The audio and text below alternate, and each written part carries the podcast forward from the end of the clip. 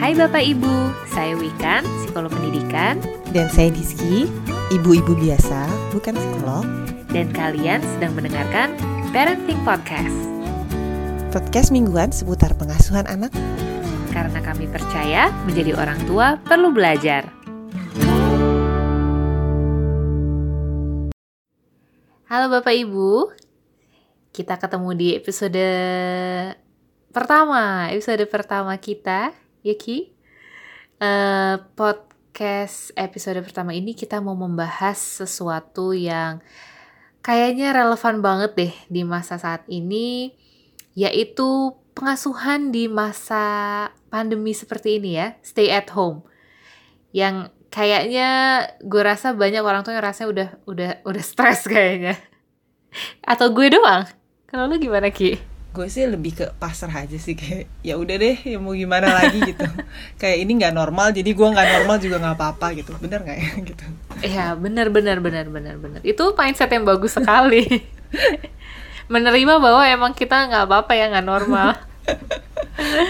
Jadi Betul, jadi betul. gimana wi? Tapi gue merasa kayaknya mungkin bagus juga kalau ada masukan dari psikolog kalau lagi masa kayak gini kan eh, harusnya parentingnya tuh kayak gimana biar ya jangan sampai gara-gara masa ini terus kita jadi kayak kacau aja gitu pas udahnya gitu. Kalau gue sih selalu beranggapan eh bahwa we have to take care of ourselves first. Jadi yang ketika di masa kayak gini kita ngerasa udah stres banget, ya kita harus ngejaga kesehatan mental kita dulu sih Ki, itu yang paling penting. Nggak kayak ibaratnya kalau kayak di pesawat kita harus pakai masker masker oksigen yang harus pakai kan orang tuanya duluan kan baru kita pakein ke anak. Ya exactly kayak gitu. Kitanya harus sehat dulu secara mental eh, baru kita bisa mengasuh dengan eh, efektif. Karena kalau enggak ya ujung-ujungnya marah-marah lah. Anak cuman ngapain dikit yang sebenarnya kalau dipikir-pikir sih wajar nggak salah-salah banget kita bisa meledak kayak gimana. Tuh itu kan eh, nggak bagus ya efeknya. Dan kita juga pasti ntar nyesel deh udahannya. Jadi mendingan take care of ourselves eh, kita ngejaga ja- eh, kesehatan mental itu tadi Nah kalau gue sih Wik, karena mungkin anak gue masih TK ya, jadi kayak beban pelajaran online onlinenya tuh nggak berat lah. Cuma kayaknya kalau baca-baca di IG ibu-ibu yang kayak anaknya lebih dari satu, terus udah SD, SMP, kayak tuh mereka stres banget gitu jadi karena banyak tuh karena banget, banyak tugas iya, iya, gitu iya. maksudnya si anak-anaknya ya. Iya. Nah kalau kayak gitu tuh harus Iya, gimana betul, tuh betul. maksudnya? eh ya itu gue juga ngeliat kalau di IG kayaknya heboh Hmm. banget ya kesian sih. Anak gue baru satu SD aja kayaknya gue udah lumayan stres gimana ya? Nggak kebayang yang pelajarannya udah bener-bener aduh banyak gitu. Eh ya balik lagi pokoknya ke prinsip eh, harus jaga kesehatan mental kita dulu. Jadi memang mau nggak mau harus diskusi sama pasangan sih. Kita diskusiin kalau kita butuh waktu untuk misalnya me time sejenak untuk istirahat. Jadi eh, kita ajak ngobrol, terus eh, ya kita kasih tahu bahwa penting banget jaga kesehatan mental. Jadi eh bagi tugas sementara, misalnya kita bagi tugas atau misalnya tolong dong eh, hari ini aku mau istirahat dulu deh, mau dua jam tuh mau apalah misalnya nonton drakor atau apa gitu ya. Pokoknya anything yang kira-kira bisa meningkatkan kesehatan mental kita. Dan tapi menurut gue juga harus hati-hati sih Ki. Kayak kegiatan-kegiatan yang kita pikir relaxing tapi ternyata berujung cemas. Misalnya, kita mau santai-santai sejenak sambil buka-buka sosmed. Eh berujung ngelihat postingan orang-orang Bener bener bener. yang bikin malah kita makin insecure gitu loh Ki. Nah itu hati-hati deh. Jadi mendingan bener-bener pilih aktivitas yang emang bikin kita eh, happy gitu ya. Jangan sampai ya tadi eh, kita eh, me time-nya sambil buka-buka eh, sosmed ternyata malah lihat info tentang corona lah, misalnya makin stres. Atau tadi ngeliat postingan orang yang kok kayaknya mereka kok kayaknya waras bener gitu ya. Stay at home tapi cantik banget gitu ya. Terus anak-anaknya kayaknya semuanya teratur gitu. Aduh, kayaknya itu malah bikin tambah stres. Jadi mendingan cari aktivitas yang benar-benar aman deh. Yang emang bisa bikin kita relax. Kalau lo aktivitasnya apa, Wik? Kalau gue sih jujur nih ya, sejak ini gue tuh bingung kayak apalagi yang bisa bikin gue seneng. kayak Iya iya iya. karena gue kayak Paham, aduh gue pengen relax tapi gue ngapain ya gitu kayak beneran gue ngapain ya Iya iya iya iya.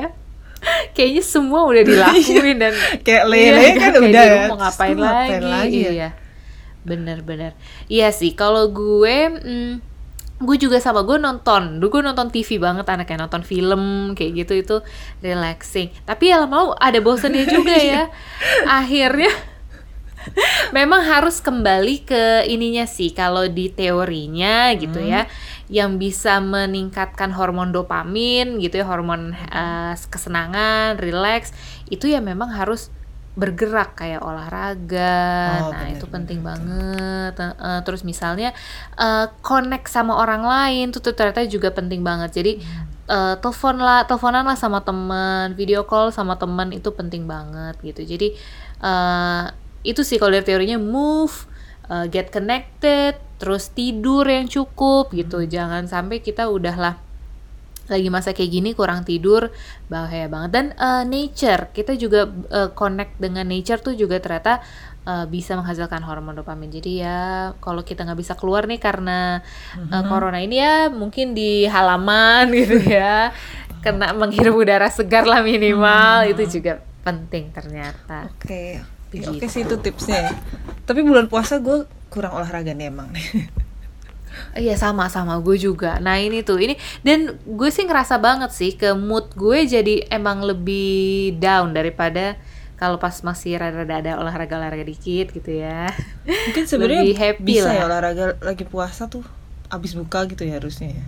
Oh, Atau- oh, I think bisa. Tahu sebagian kapan orang gue. sebelum buka juga sih Ki. kita Tapi aja gue lemes. terlalu lemah. sama gue juga. Aduh. Terus kalau untuk pas ngadepin anaknya apa Wik? Misalnya ada nggak tips-tips buat ngades, ngadepin anak? Kalau gue nih jujur ya, karena gue udah kayak ah bosen jadi anak-anak sih banyak screen time-nya karena gue udah kayak aduh sumpah Iya. gue udah capek banget gitu. Iya, iya benar benar. Ah, ah, ah, ah. Iya, dan gue juga sih sebenarnya anak gue apalagi kalau apalagi kalau anak yang mulai belajar puasa, kadang untuk mengalihkan Nah, iya, mereka mau iya, nggak mau bener. kita kasih screen time.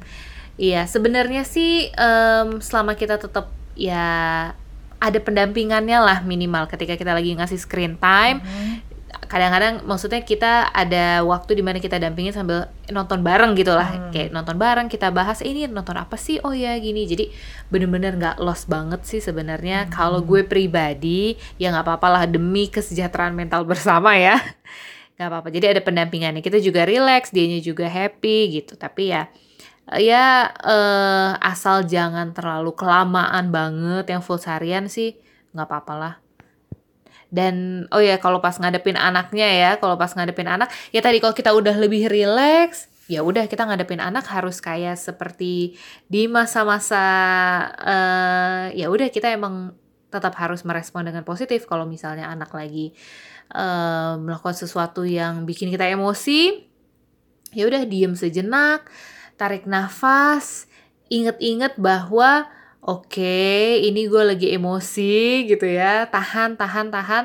Kalau gue sih tips dari gue sendiri karena ini yang gue lakukan adalah ya udah tahan nafas dan kunci mulut. Karena sebagai ibu-ibu ya kayaknya rasa ingin mengomel tuh kan besar. Jadi ya udah yang penting kunci mulut aja dulu kunci mulut. Nanti kita setelah udah tenang hmm, ya udah dan kalau gue ketika lagi narik nafas gue mengingat-ingat gue ingetin diri gue sendiri gitu ya di dalam hati efek-efek buruk dari kalau ngebentak anak marahin anak gitu which which are yaitu bikin anak jadi kalau anak dimarahin itu bikin dia jadi anak yang nggak percaya diri bikin dia jadi anak yang apa ya takut salah takut membuat keputusan. Nah itu kan kita pasti nggak pengen banget ya dan tapi ya namanya manusia pasti adalah gitu marah-marahnya dan udahannya kita pasti nyesel. Jadi ketika itu terjadi lagi gitu pengen marah gue sih selalu mengingat-ingat aduh jangan deh gue nggak mau anak gue jadi nggak pede gue nggak mau anak gue jadi anak yang takut eh, mencoba dan sebagainya.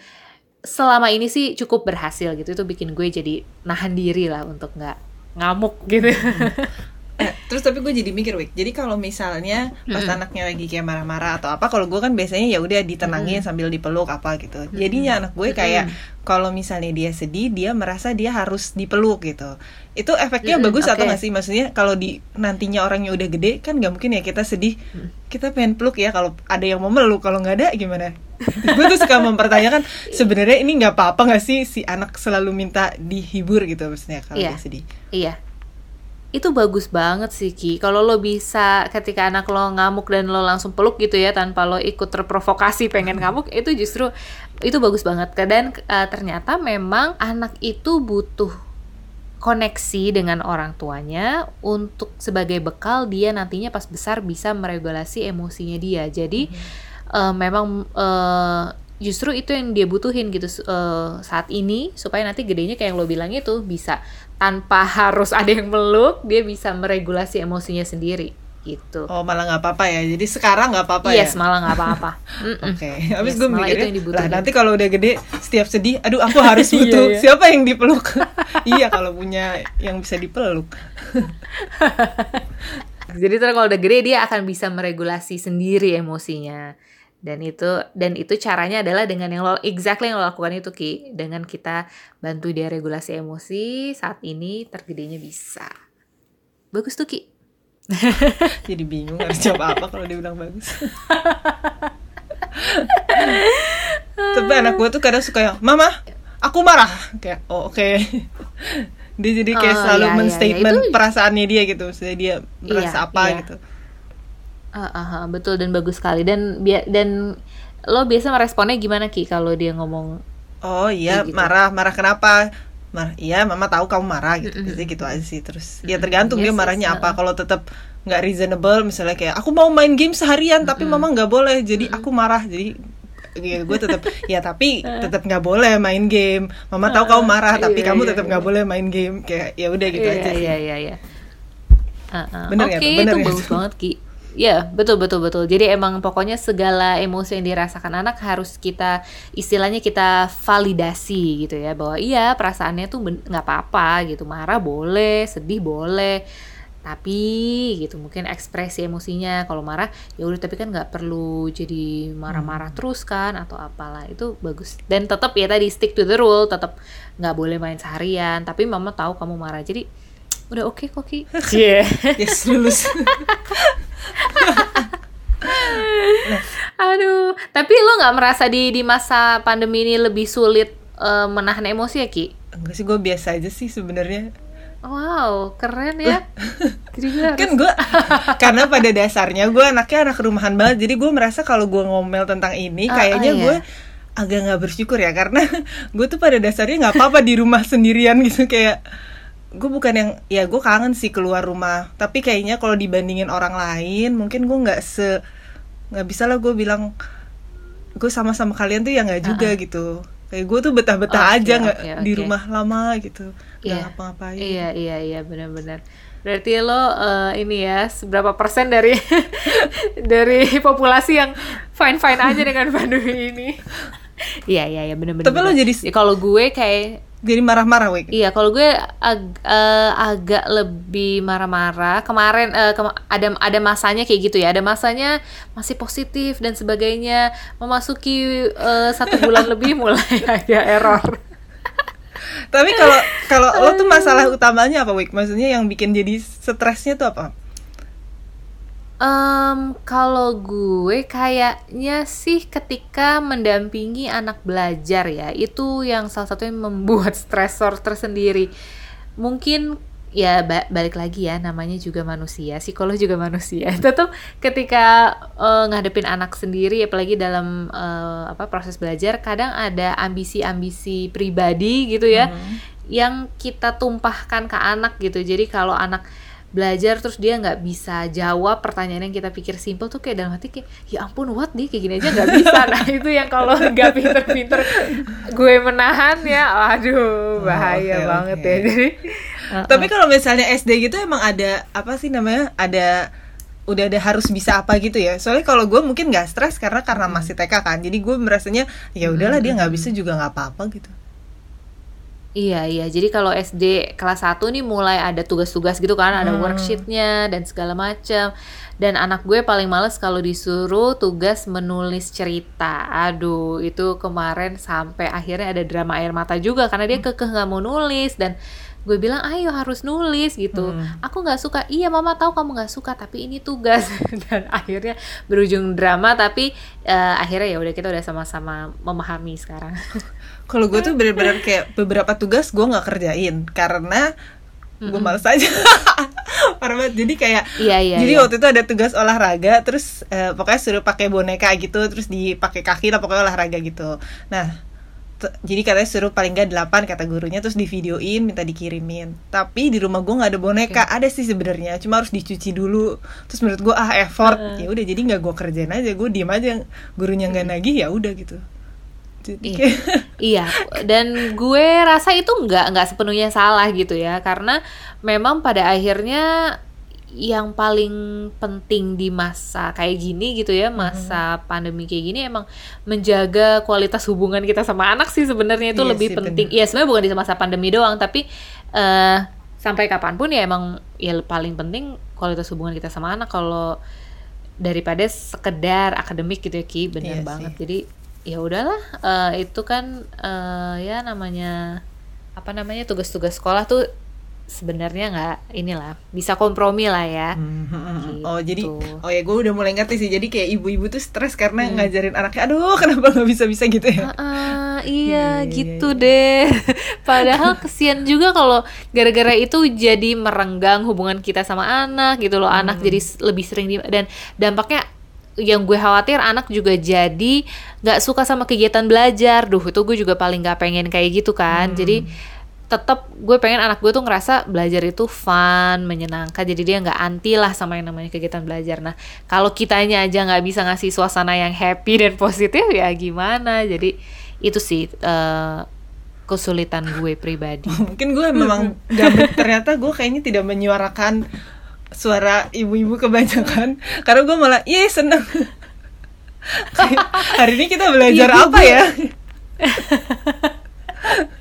gue aja yang anak ke 1 SD kayaknya udah stres ya. Gue juga kadang suka mikir, waduh kalau yang pelajarannya udah bener-bener pelajarannya berat gitu gimana ya. Tapi ya balik lagi menurut gue, maksud gue udah sampai di titik ya udahlah kayaknya eh, emang kalau terlalu membuat kita stres ya udah nan- nanti dulu aja deh gitu pelajaran mah Mhm. saat ini nggak relevan gitu. Yang relevan adalah kita tetap jaga kewarasan diri kita menjaga hubungan ki- emosi kita sama anak udah itu yang paling penting.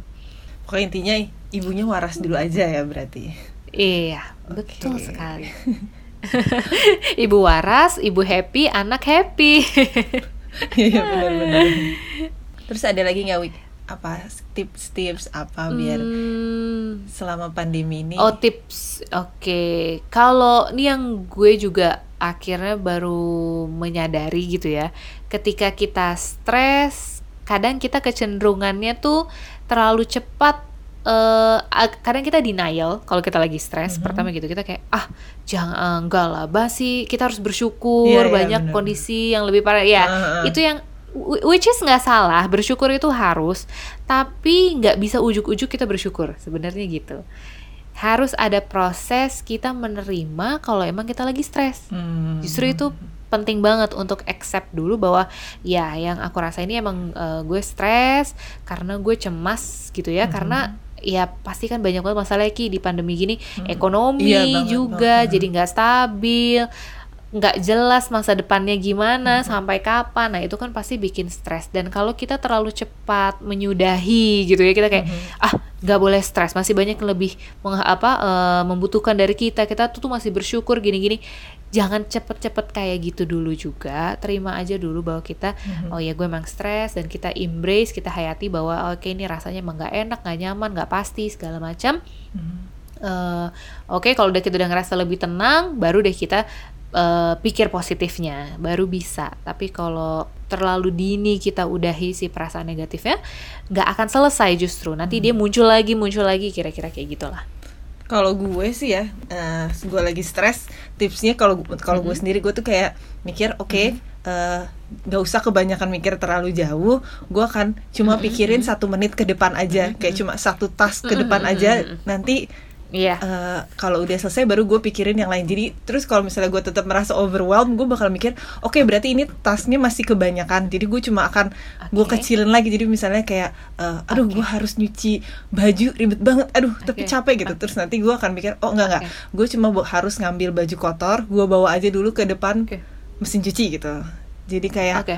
Nanti gue baru mikir begitu di mesin cuci gue mau lanjutin nyuci atau enggak tapi biasanya kalau udah gitu Oke. gue akan lanjut lah masa udah di depan mesin cuci nggak jadi gitu jadi gue kayak Oke. kalau kalau untuk gue pribadi itu tips yang yaudah pokoknya gue sama mikir "Oh, only love today only love today yaudah hari ini aja detik ini aja gue nggak mau mikirin yang lebih jauh lagi gitu kalau gue sih Yes, itu yes. cukup work sih itu ber, ber, ber- ini ya it works ya. Dan itu eh, bener sih Ki. Itu cukup sejalan dengan kalau kita suka sebutnya tuh sekarang eh, mindfulness.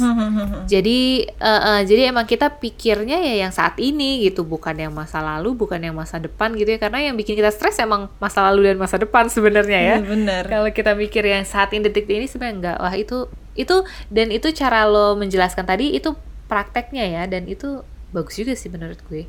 Jadi bener-bener take a small step at a time gitu kayaknya ya. Iya soalnya kalau enggak tuh kayak beneran stres gak sih kayak iya benar-benar karena kerjanya nggak akan ada habisnya gitu.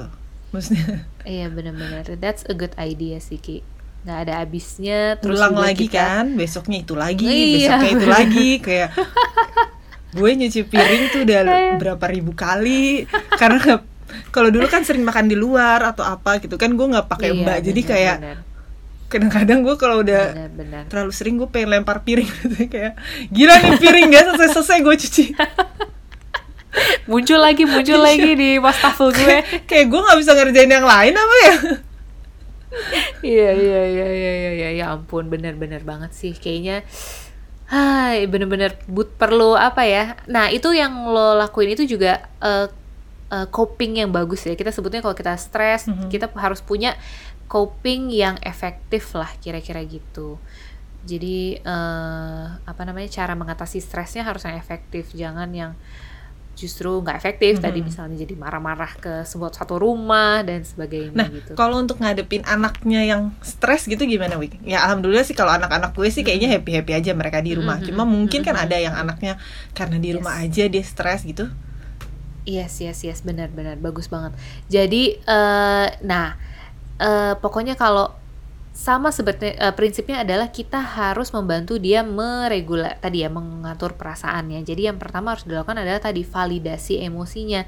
Kita harus eh, kalau emang dia kita tanya perasaannya gimana, lalu kita kita harus berempati lah gitu. Oh iya, oh memang ini perasaan ini nggak enak ya perasaannya ya karena kamu bosen di rumah eh, nggak bisa keluar nggak bisa main sama teman-teman. Jadi kita harus validasi dulu kita terima tadi ya. Kita kan tadi emosi diri kita aja harus kita terima dulu baru kita bisa kelola sama dengan anak pun kita harus terima dulu emosinya dia gitu. Jangan sampai kita tadi terburu-buru menyudahi dia lagi mengeluh-ngeluh anak lagi berkeluh kesah kita cepat hey harus bersyukur loh nah banyak yang lain yang lebih gini-gini. Hmm. jangan buru-buru seperti itu. Harus kita apa ya kita istilahnya kita menyediakan waktu dan tempat untuk dia berkeluh kesah dulu jangan buru-buru kita udahin jangan buru-buru kita koreksi jangan buru-buru kita kasih saran. Pokoknya biarin dia luapin dulu perasaannya lalu kita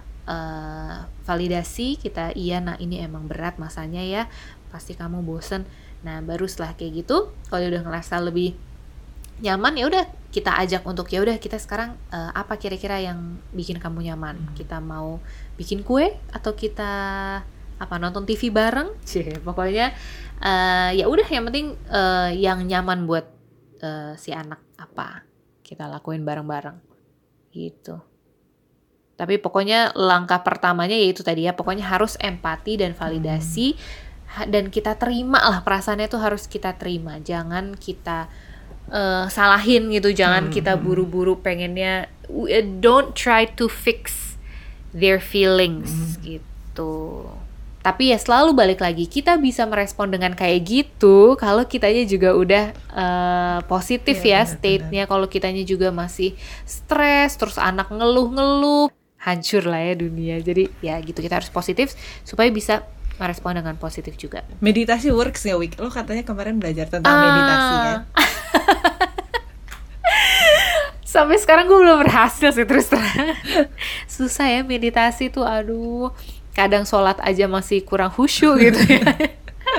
Kalau gue sih sholat Kepikiran, aduh Banyak anak gue diapain nih yang kecil.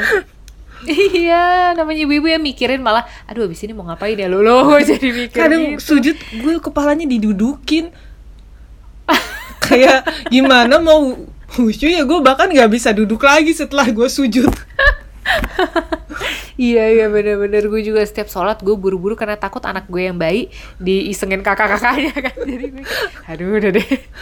Ah pusing lah. Iya eh, nah gue mendapat pelajaran sih Hmm. ternyata kalau kita eh, jadi meditasi itu bagus banget ya Ki. Hmm. untuk bisa kita ngelola perasaan untuk kita bisa lebih tenang. Dan ternyata ada ada penelitian yang eh, ada penelitian gitu ya. Katanya bagian otak yang teraktivasi eh, ketika kita bermeditasi itu sama dengan ketika kita mempunyai eh, hubungan eh, koneksi yang loving sama orang lain. Oh gitu. Jadi, Eh, eh, ternyata ketika kita punya hubu atau hubungan yang eh, loving apa connection, accepting connection, eh, kayak gitulah ya pokoknya hubungan yang saling menerima, mencintai, itu ternyata mengaktifasi bagian otak yang sama ketika kita sedang bermeditasi.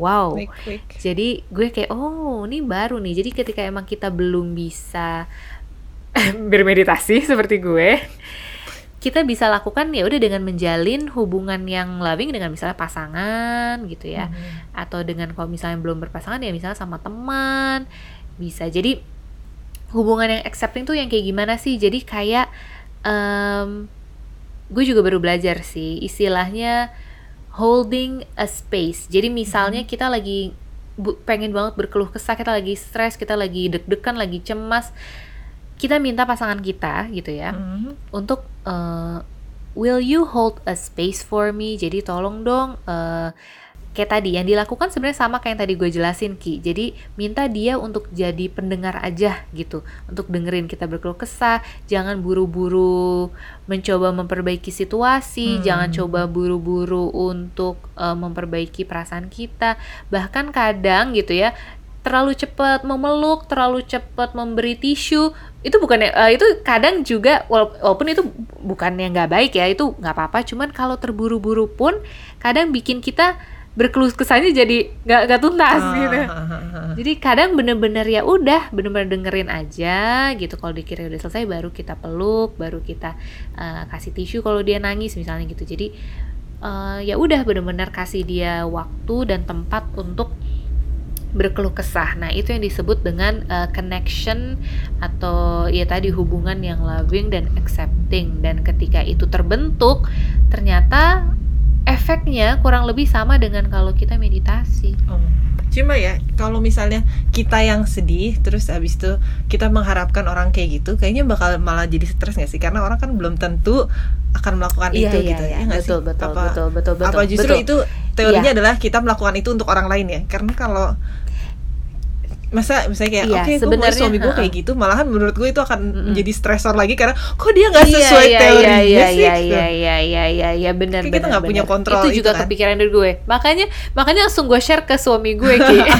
itu si Ber- bahan yang berhasil nggak? Berhasil gue share. Eh, belum sih.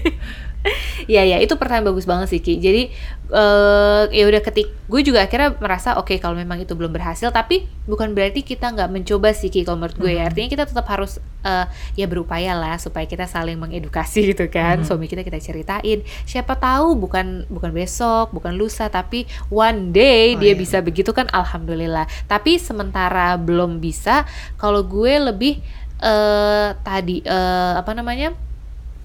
Eh, ya mencoba at least kalau belum bisa meditasi tapi kita kayak belajar untuk eh, apa tenang tarik nafas dalam Mhm. keluarin nafas gitu ya itu bisa atau misalnya ki wah lo nih cocok nih karena lo juga eh, orang seni eh, lewat gambar gitu juga bisa ki ternyata ki oh iya, iya, iya. gitu tapi bener-bener gambar bukan yang kita rencanakan Mhm, atau mhm, kita mhm. me- apa tapi kayak kita rasain dulu kita lagi ngerasa gimana dari perasaan itu kita pengen gambar apa kayak gitu sih teorinya gue juga kurang paham karena gue nggak ngerti seni bisa nggak tuh Ki, kayak gitu kira-kira Tapi menurut gue justru harusnya lo nggak ngerti seni malah nggak apa-apa karena kalau orang yang ngerti seni dia akan Oh. kayak ngejudging kok gue nggak bagus ya gitu. Oke. Kayak kenapa ya? Oh, iya, kan iya, karena iya, kita iya, udah iya, belajar iya. teorinya ya. Terus kita Make ngelihat sense. tuh, Uh-uh. kalau gue karena pernah sekolahnya kuliahnya desain jadi temen-temen tuh kayak Mm-mm. gue tuh mengerti banget kalau orang lain gambarnya lebih bagus daripada gue gitu. Jadi kalau gue nggak mau Oke, stres gue harus mikir, oke ini bukan buat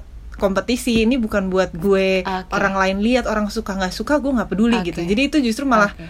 harus mikir gitu untuk baru bisa lepas dari itu baru gitu. bisa Oke, Tapi justru oke. kalau Iya, orang yang make bukan sih. seni, dia kan bukan nggak punya lo malah punya pembelaan, ya saya bukan orang seni. Ya Iya, nggak iya, apa-apa dong iya. kalau misalnya lebih, eh, iya. kalau misalnya gambarnya Oke. jelek ya nggak apa-apa kan cuma untuk Oh, yes, yes, menyalurkan aja gitu ya nggak sih? Iya iya betul betul betul betul. Jadi ya make sense sih. Jadi malah lebih banyak overthinking dan overanalyzing kali ya hmm. kalau di bidang itu ya. Iya sih benar Ki. Tapi bisa ya maksudnya eh, ketika lo talk yourself out of it, misal udah ini kan buat diri lo sendiri terus kita ekspresiin gitu eh cukup ada efek ininya nggak Ki? Misalnya lo pernah coba? Oh gue sering lebih sih, gue sering kayak relax nggak? aduh Oh, pengen oke. gambar misalnya lagi kayak stres ah gambar aja gitu terus ya udah habis gambar ya eh, lumayan sih cuma memang kalau untuk gue sih nggak se oke kalau abis meditasi ya kalau abis meditasi kayak lebih ah Oke. lega gitu atau leb- baca Quran sih lumayan sih menurut gue works Wow, Ki, coba jadi lo share dong Ki. Jadi gimana cara meditasi Ki?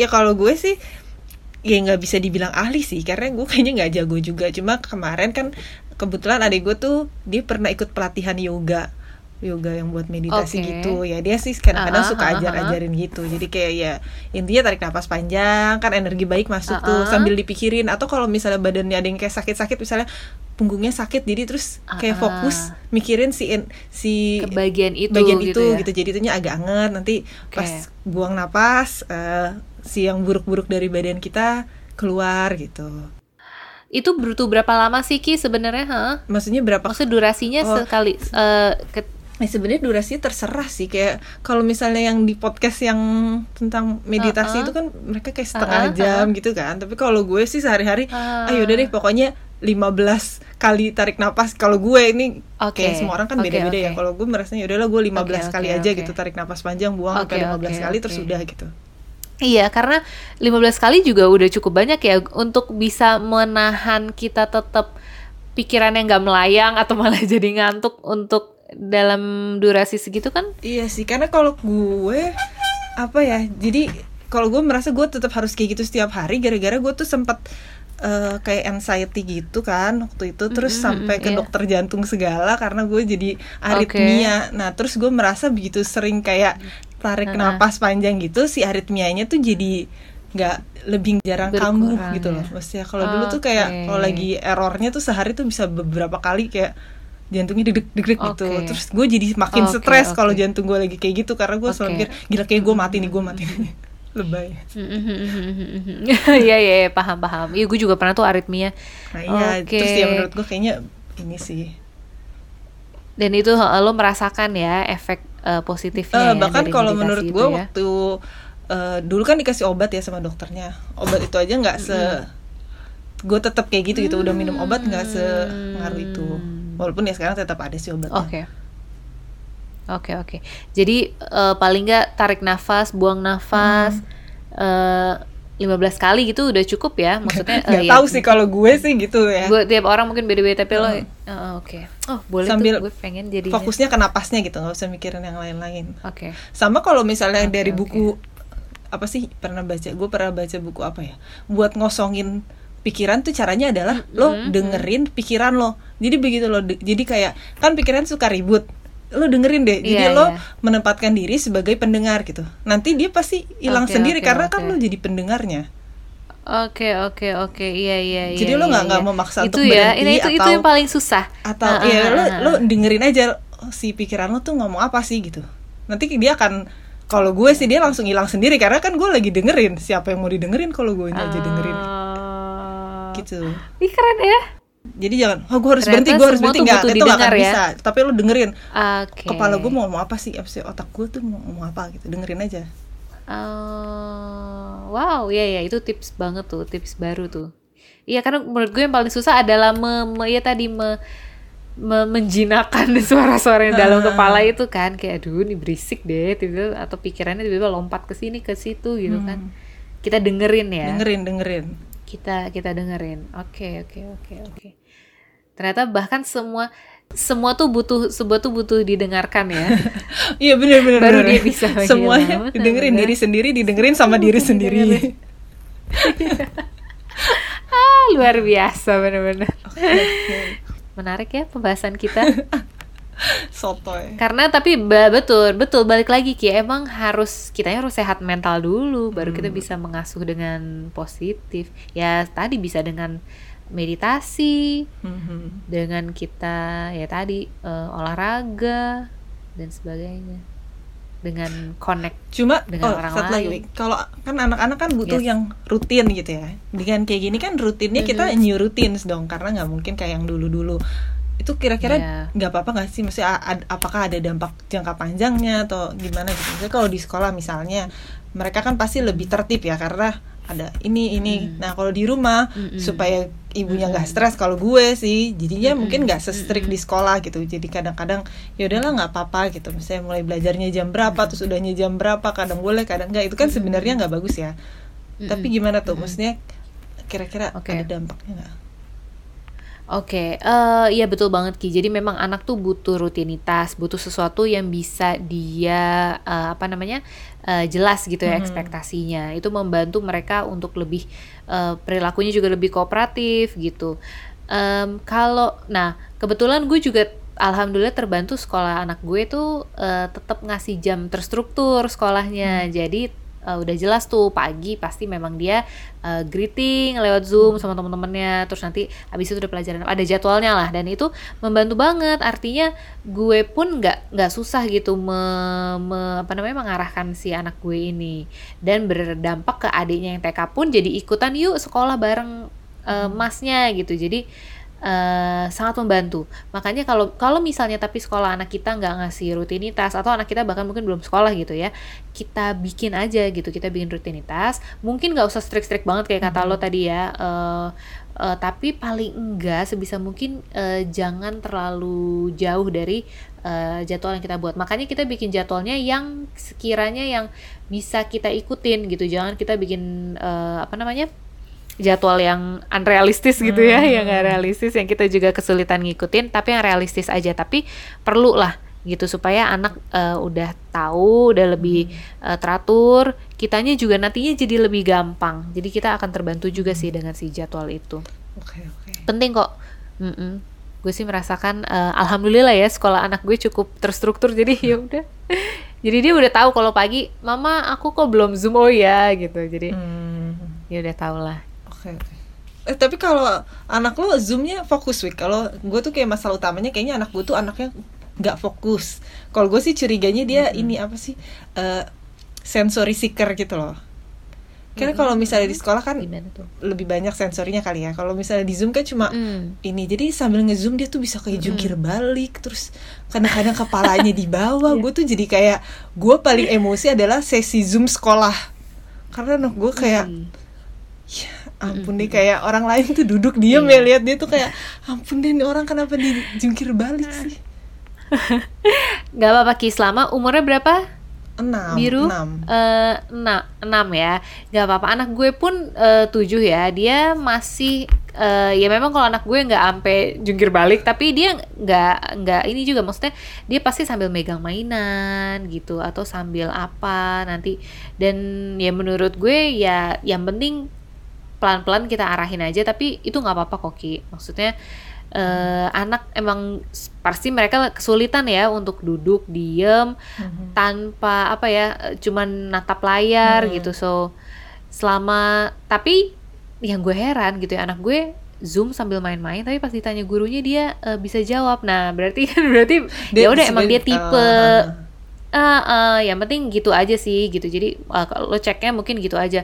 Oke tapi dia tetap nyimak nggak sih yang gurunya bilang gitu? Kalau emang dia tetap eh, nyimak ya udah. Kalau gue sih concernnya Itu lebih emang. kesopanan aja sih. Kayak lo zoom sama guru-guru Oke. lo terus kepala lo di bawah. Kadang-kadang videonya kaki gitu kan ya kayak nggak sopan gak sih? Kayak gue kan sebagai Iya, ibunya iya, kayak iya, bener, bener, bener, bener. jangan kaki lah gitu jadi gue tuh mungkin di Iya, zoom iya, terus betul, ada sesi-sesi kedengeran gue hah hah hah?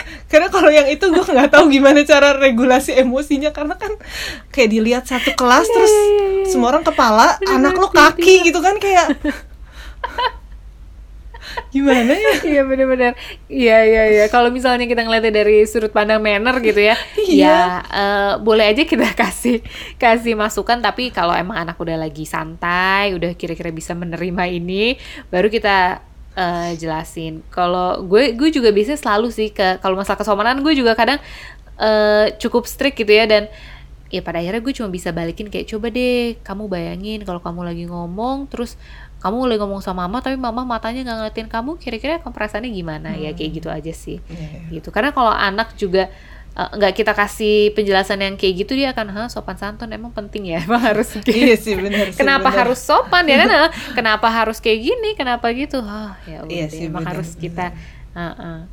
kalau gue mungkin oh ya mungkin kalau gue masalah sekolah di rumah itu sih kayak karena Hmm. anak gue kan nggak bisa Iya, diem ya iya. kayak uh tingkah-tingkah Iya, iya, iya, gitu betul, betul, jadi betul, kayak betul. untuk Betul, sesi betul. zoom dia struggle karena dia bosan ngeliat cuma orang ngomong orang ngomong gitu makanya terus les lesnya dia nggak gue zoomin karena dia gue bisa gila kayak setiap zoom dia nggak akan ngikutin Iya iya, iya. gue kebayang sih untuk anak lo yang sangat aktif pasti itu struggling sih untuk zoom. Nah balik lagi makanya kita eh, apa ya ekspektasi dan standar kita yang harus kita adjust kayaknya ya. Bahwa ya udah namanya juga anak umur 6 tahun ya anak gue aktif pula gitu ya kita harus menerima ya pasti akan seperti itu. Karena kalau enggak ya tadi kayaknya kita stres sendiri ya. Kalau kita pakai ekspektasi kita gitu loh. Iya iya benar-benar. Jadi intinya salah satu intinya adalah j- ekspektasi kita diturunin lah ya. Iya. Jangan terlalu Iya, berekspektasi betul. tinggi baik untuk anak ataupun untuk Yes. kita sendiri ya. Benar gitu berarti. Yes, betul banget, betul banget untuk diri sendiri, buat anak. Kayaknya di masa pandemi ini kita semakin belajar hal itu ya. Gue pribadi sih iya sih semakin kayak oh ya ya ampun. Jadi kalau gue terlalu memasang ekspektasi terlalu tinggi, itu yang menjadi sumber stres Hmm. gue Hmm. gitu. Padahal kalau kita chill aja mikir kayak ya ampun namanya juga anak-anak gitu ya disuruh belajar siapa sih yang seneng gitu pasti pengennya main kan Hmm. ya kalau udah mikirnya kayak gitu ya udah lebih kayak oh ya bener sih anak gue normal lah ya artinya. Ada kata-kata penutup nggak untuk obrolan kita hari ini? Oke kata-kata penutup pokoknya eh, ingat untuk menjaga kesehatan mental. Jadi selama pandemi ini bukan cuma jaga kesehatan fisik gitu kan. Fisik harus dijaga tapi kesehatan mental juga eh, penting.